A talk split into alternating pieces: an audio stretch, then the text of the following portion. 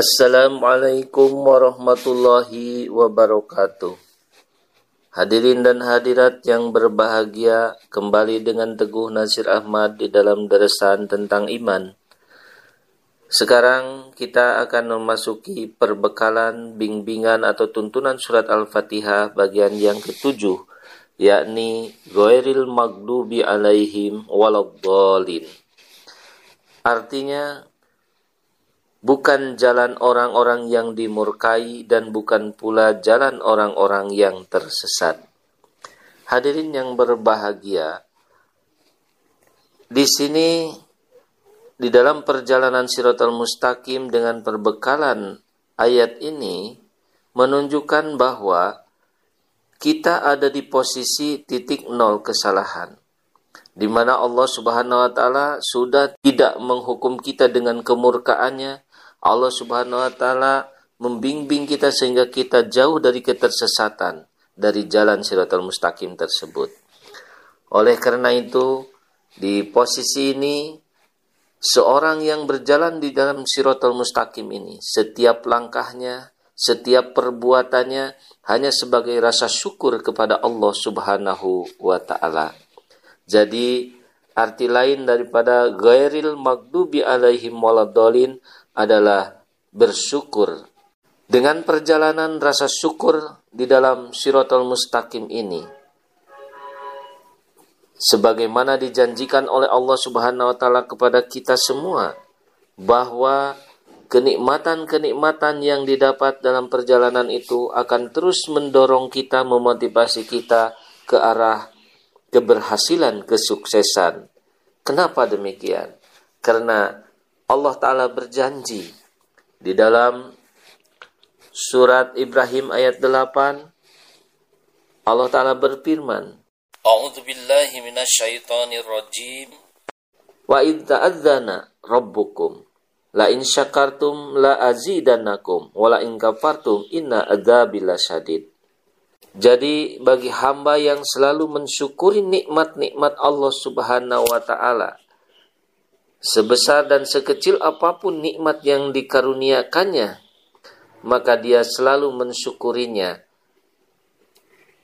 Dia selalu berterima kasih dengan terus melaksanakan apa yang diinginkan oleh sang pemberi nikmat. Kemudian di dalam surat An-Nisa ayat 148 Allah Subhanahu wa taala berfirman, A'udzubillahi minasyaitonirrajim. Ma yaf'alullahu bi'adzabikum in syakartum wa amantum wa kanallahu syakiron alima. Mengapa Allah akan menyiksamu jika kamu bersyukur dan beriman? Dan Allah adalah maha mensyukuri lagi maha mengetahui. Hadirin yang berbahagia, kalau kita berhitung di dalam kehidupan ini tentang nikmat-nikmat Allah Subhanahu wa taala maka kita tidak akan pernah selesai menghitung nikmat. Dari mulai kita dilahirkan sampai kita mungkin nanti tutup usia. Apa sih yang kita miliki secara pribadi? Jadi kalau kita merenungkan itu semua, kita akan malu terhadap Allah Subhanahu wa taala terhadap pengakuan-pengakuan kita bahwa ini adalah milik saya, itu adalah milik aku, itu adalah hasil keringatku dan itu adalah hasil modalku. Tapi kalau kita ingat bahwa semuanya itu kita tidak memiliki apa-apa, kita akan malu di hadapan Allah Ta'ala. Siapa yang memberikan tenaga kepada kita? Siapa yang memberikan hidup kepada kita? Siapa yang memberikan kemampuan kepada kita? Semuanya adalah Allah Subhanahu wa taala. Hadirin yang berbahagia. Maka itulah kenapa Rasulullah Shallallahu Alaihi Wasallam selalu mencontohkan kepada kita dan apa yang dimiliki oleh beliau ketika beliau dipanggil oleh Allah Subhanahu Wa Taala untuk diwariskan kepada keturunannya. Semuanya diserahkan kepada Allah Taala oleh Rasulullah, dibagikan kepada orang-orang yang memang memerlukan pada saat itu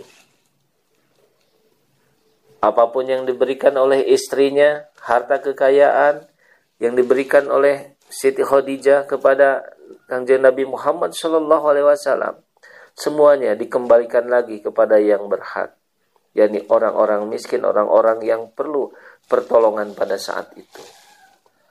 Jadi pada hakikatnya mana milik aku? Tidak ada satupun. Semuanya adalah milik Allah Subhanahu wa taala tetapi karena kebaikan Allah Subhanahu wa taala kepada kita kita hanya diminta sedikit dari apa yang kita sudah hasilkan. Ya, jerih payah tiap hari dari pagi sampai sore. Kita mendapatkan sesuatu yang tadi kita klaim bahwa itu adalah hasil keringat aku. Itu adalah hasil usaha saya.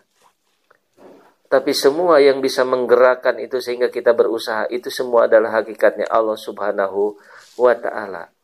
Maka bagi orang yang sudah berjalan di dalam posisi ghairil magdubi alaihim waladdallin itu adalah orang yang sudah menyadari itu semua sehingga dengan menyadari hal tersebut dia akan ada di posisi titik nol kesalahan dan hidupnya hanya akan mensyukuri nikmat-nikmat Allah Subhanahu wa taala tiada yang lain lagi Hadirin yang berbahagia. A'udzubillahi minasyaitonirrajim. Wa in ta'uddu nikmatallahi la tusuha. Itu firman Allah Subhanahu wa taala bahwa jika kita mau menghitung-hitung nikmat Allah Subhanahu wa taala maka itu tidak akan kesampaian. Kita tidak akan pernah bisa menyelesaikan perhitungan tersebut. Makanya itu apa pun sebesar dan sekecil apa pun yang datang karunia dari Allah Subhanahu wa taala, maka marilah kita cepat syukuri kepada Allah Subhanahu wa taala. Cara mensyukuri yang baik dan yang benar dan yang diinginkan oleh Allah Subhanahu wa taala bukan sebatas ucapan saja. Memang itu juga adalah perlu kita mengucapkannya. Alhamdulillahirabbil alamin. Terima kasih, jazakumullah dan sebagainya. Tetapi Allah sangat menghendaki rasa syukur kita itu dalam bentuk amalan. Yakni ketika Allah Ta'ala memberikan kesehatan kepada kita, kekuatan kepada kita, peluang waktu yang ada diberikan oleh Allah Ta'ala. Artinya hidup kita ini adalah peluang yang emas bagi kita untuk mencari perbekalan kita dalam menghadap kepada Allah Subhanahu wa taala. Maka rasa syukur yang sebenarnya adalah ketika kita bisa mengikuti, bisa melaksanakan, bisa mengaplikasikan apa yang dikehendaki Allah. Kita selalu berusaha menyesuaikan diri dengan keinginan Allah, kemudian kita selalu patuh tunduk kepada perintah-perintah Allah. Itulah rasa syukur yang hakiki, rasa syukur yang sebenar-benarnya. Hadirin dan hadirat yang berbahagia memang dalam bersyukur itu tidak mudah di dalam surat An-Naml digambarkan bagaimana seorang nabi saja sampai bermohon berdoa kepada Allah supaya bisa mensyukuri nikmat-nikmat yang telah diberikan oleh Allah taala. Dan ini sudah merupakan satu doa dalam surat An-Naml ayat 20 Allah taala mengajarkan kepada junjungan kita Nabi besar Muhammad sallallahu alaihi wasallam wa qala Rabbi auji'ni an ashkura ni'mataka allati an'amta alayya wa ala walidayya wa an a'mala salihan tardahu wa adkhilni bi rahmatika fi ibadika salihin. Wahai Tuhanku, anugerahkanlah kepadaku taufik untuk mensyukuri nikmat Engkau yang telah Engkau anugerahkan kepadaku dan kepada orang tuaku, dan untuk berbuat amal soleh yang engkau ridhoi dan masukkanlah aku dengan rahmat engkau di antara hamba-hamba engkau yang soleh. Amin. Hadirin yang berbahagia, demikianlah doa Hazrat Nabi Sulaiman alaihi salam yang diajarkan kembali oleh Allah Ta'ala kepada Nabi besar Muhammad sallallahu alaihi wasallam. Artinya bahwa kita juga di dalam jalan perjalanan siratul mustaqim ini harus banyak berdoa, minta kekuatan, minta kemampuan kepada Allah Subhanahu wa taala di dalam menelusuri lorong-lorong jalanan para nabi di dalam Siratul Mustaqim tersebut. Tidak mudah dan kita harus tetap bersabar dan terus gigih berusaha untuk tetap melaksanakan apa yang dikehendaki oleh Allah Subhanahu wa taala. Jalan yang disebut Sirotol Mustaqim itu adalah istiqomah. Artinya orang yang sedang mengadakan perjalanan di dalam Sirotol Mustaqim itu, dia harus beristiqomah. Artinya dia harus berani, dia harus gigih, harus melawan segala kemalasan. Dan apa pun yang menimpa di perjalanan itu, tidak akan menyalahkan Allah Subhanahu wa taala. Bahkan ketika Allah taala membiarkan kita, teman-teman menjauhi kita, kita hidup sebatang kara karena tidak ada satu orang pun yang mau menolong kita. Maka orang yang beristiqomah, orang yang berjalan di dalam siratul mustaqim, tidak akan pernah mundur. Dia bahkan akan menyerahkan lehernya di hadapan singgasana Allah Subhanahu wa taala. Ya Allah, apa yang akan engkau perbuat kepadaku, maka buatlah kepadaku. Aku tidak akan pernah mundur di dalam mengejar keridoanmu ya Allah.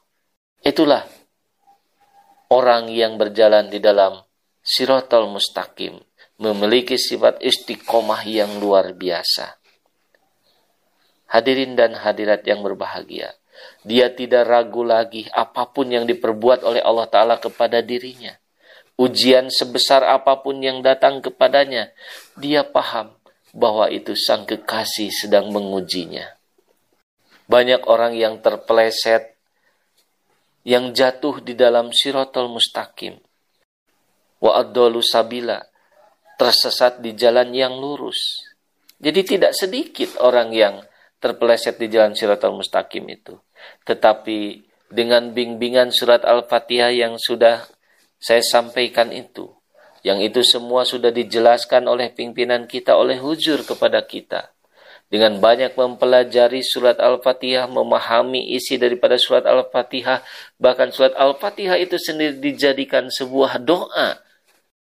Maka insya Allah, biar bagaimanapun, Allah Ta'ala tidak akan pernah menyalahi dari janjinya. Allah akan mengabulkan, Allah akan menuntun, Allah akan membimbing kita sehingga kita sampai kepada kesuksesan. Amin Allahumma amin. Wabillahi taufik wal hidayah. Wassalamualaikum warahmatullahi wabarakatuh.